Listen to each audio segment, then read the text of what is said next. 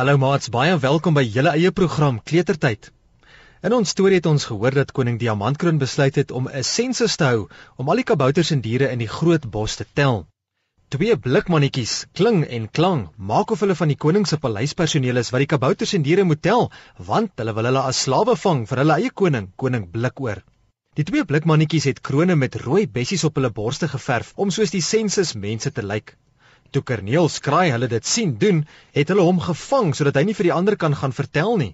Luister vandag verder na Karel Kabouter en die sensus.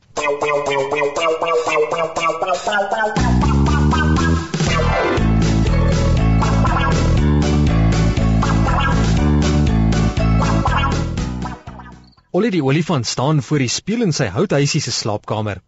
Hy het van die olie waarmee hy kos maak op sy kop gesmeer en kam die bietjie hare met 'n middelpaadjie reg agteroor. Ollie draai sy kop hierdie kant toe en loer uit sy oë in die spieël om te sien hoe hy lyk en dan draai hy weer sy kop ander kant toe. Hy vee die olie af wat langs sy kop afloop en druk met sy hande op die hare totdat dit vir hom reg lyk. Ollie glimlag en staan 'n tree terug van die spieël af om homself van voor af te kan sien. so moet 'n olifant mos lyk wat die nommer 1 olifant in die bos is, sê hy, draai om en stap na die voordeur van sy houthuisie. Hierdie uh, sen uh, uh, sensus mense van koning Diamantkroon sal sommer dadelik sien dat ek nie sommer enige hierjuise olifant is nie. Dis 'n mooi olifant hierdie. hulle kom kom, ek is reg vir hulle. In die bos spook en spartel kerneels kraai om los te kom van Kling, die blikmannetjie wat hom gevang het.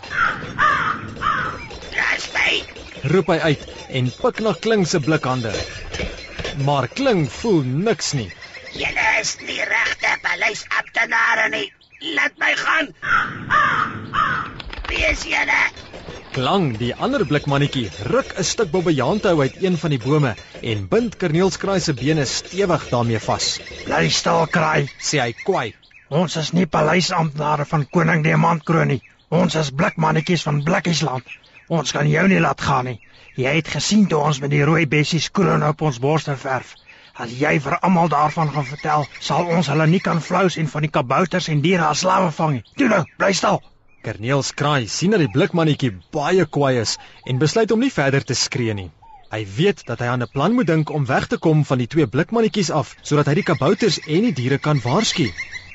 By sy paddastoelhuisie kry Karel Kabouter baie warm. Dit is al amper 12:00 in die middag en die son skyn helder tussen die blare van die bome deur tot op Karel se stoep. Hy sit op 'n stoel op sy stoep en waai homself koel met 'n groot blaar wat hy van die boom afgepluk het. Ek wonder wat van kaneelskraai geword het.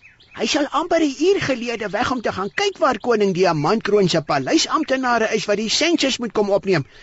Mm, dalk kry Corneels ook warm en het hy eers 'n bietjie in die koelte gaan rus. Karel Kabouter besluit dat hy nog net 'n rukkie gaan wag vir die sensus mense om te kom. Dan gaan hy na Ollie die olifant se houthuisie stap om by hom te gaan kuier. Ek dink dit sou lekker wees om in hierdie warm weer saam met Ollie in die rivier langs sy huis te gaan swem. Dink Karel en vee die sweet van sy voorkop af.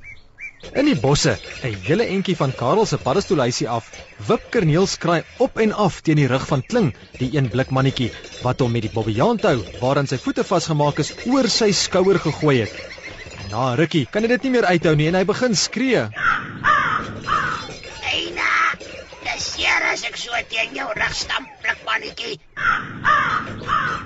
Maak my dadelik los. Jy gaan duur betaal hiervoor. Klang, die ander blikmannetjie lag net. Bly liewer stil, kraai. Jy kan bly wees dat niks erger met jou gebeur het as dat ons jou vasgebind het nie. En vir wie moet ons nogal bang wees? Nee wat, ons vat jou saam met ons en ons gaan jou iewers in 'n ertvarkgat gooi waar niemand jou kan kry en jy ons nie kan gaan verklap nie. Kerneels kraai is baie benoud. As die blikmannetjies hom in 'n ertvarkgat gooi, hoe sal hy ooit weer daar kan uitkom met sy voete so vasgemaak? Hy weet dat hy baie gou van hulle af sal moet wegkom. Maar hoe? Ah, toe weet hy. Al is sy voete vasgemaak, is sy vlerke nog los. Hy kan mos vlieg. Al wat hy moet doen is om die bobbejaan te hou waaraan hy oor klink die blikmannetjie se skouer hang te probeer lospik. Die enigste probleem is dat hy onderste bo agter van klink se skouer afhang, weg van die bobbejaan tou af. Blikmannetjie, roep Kerniels met 'n gemaak flouerige stemmetjie uit. Die bloed loop in my kop af as jy my so onderste bo laat hang. Ek sal doodgaan. Dra my liewer onder jou arm asseblief. Kling, die blikmannetjie, dink so 'n bietjie. Hy wil nie hê dat die kraai hier op sy rug moet doodgaan nie, want dan sal Klang met hom raas. Kling trek vir Kerniels kraai aan die bobbejaantou oor sy rug en druk hom onder sy arm in. Nou ja, toe kraai, sê Kling en stap agter Klang aan. gedra jou net, anders is daar moeilikheid, hoor.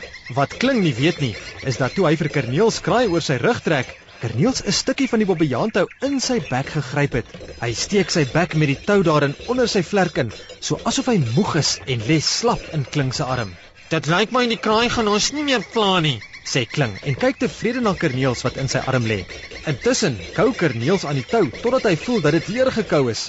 Hy loer onder sy halftoe oë uit om te sien wat Kling doen. Kling stap rustig agter Klang aan en fluit so ver hy stap. Kerniels kraai voel dat Kling se arm hom nie meer so styf vashou nie. Skielik maak hy sy lyf styf, spring uit Kling se hande en vlieg die lug in op. nie weer nie. Skree Kerniels en klap sy vlerke.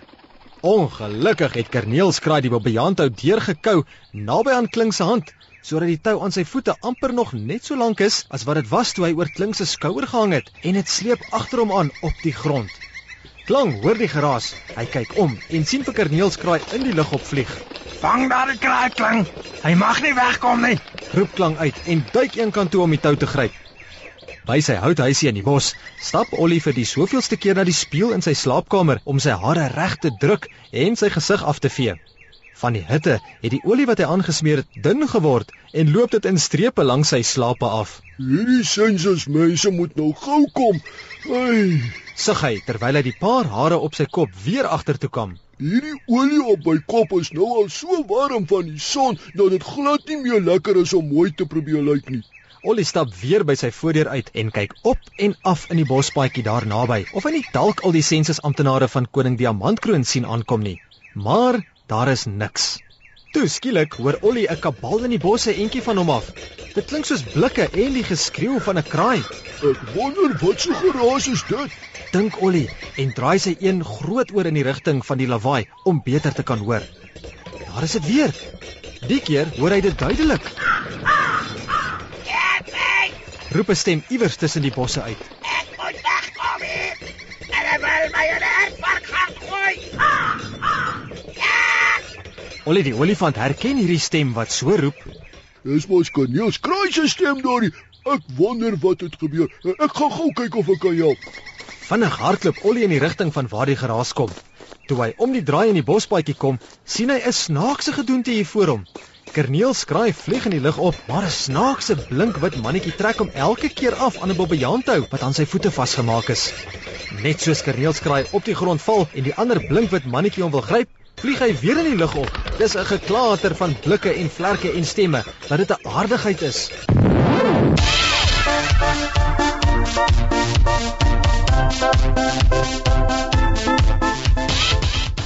Sal Ollie vir Kerneels kraai kan help? Wat gaan die blikmannetjies met Ollie en Kerneels doen? Kom luister volgende keer verder na Karel Kabouter en die sensus.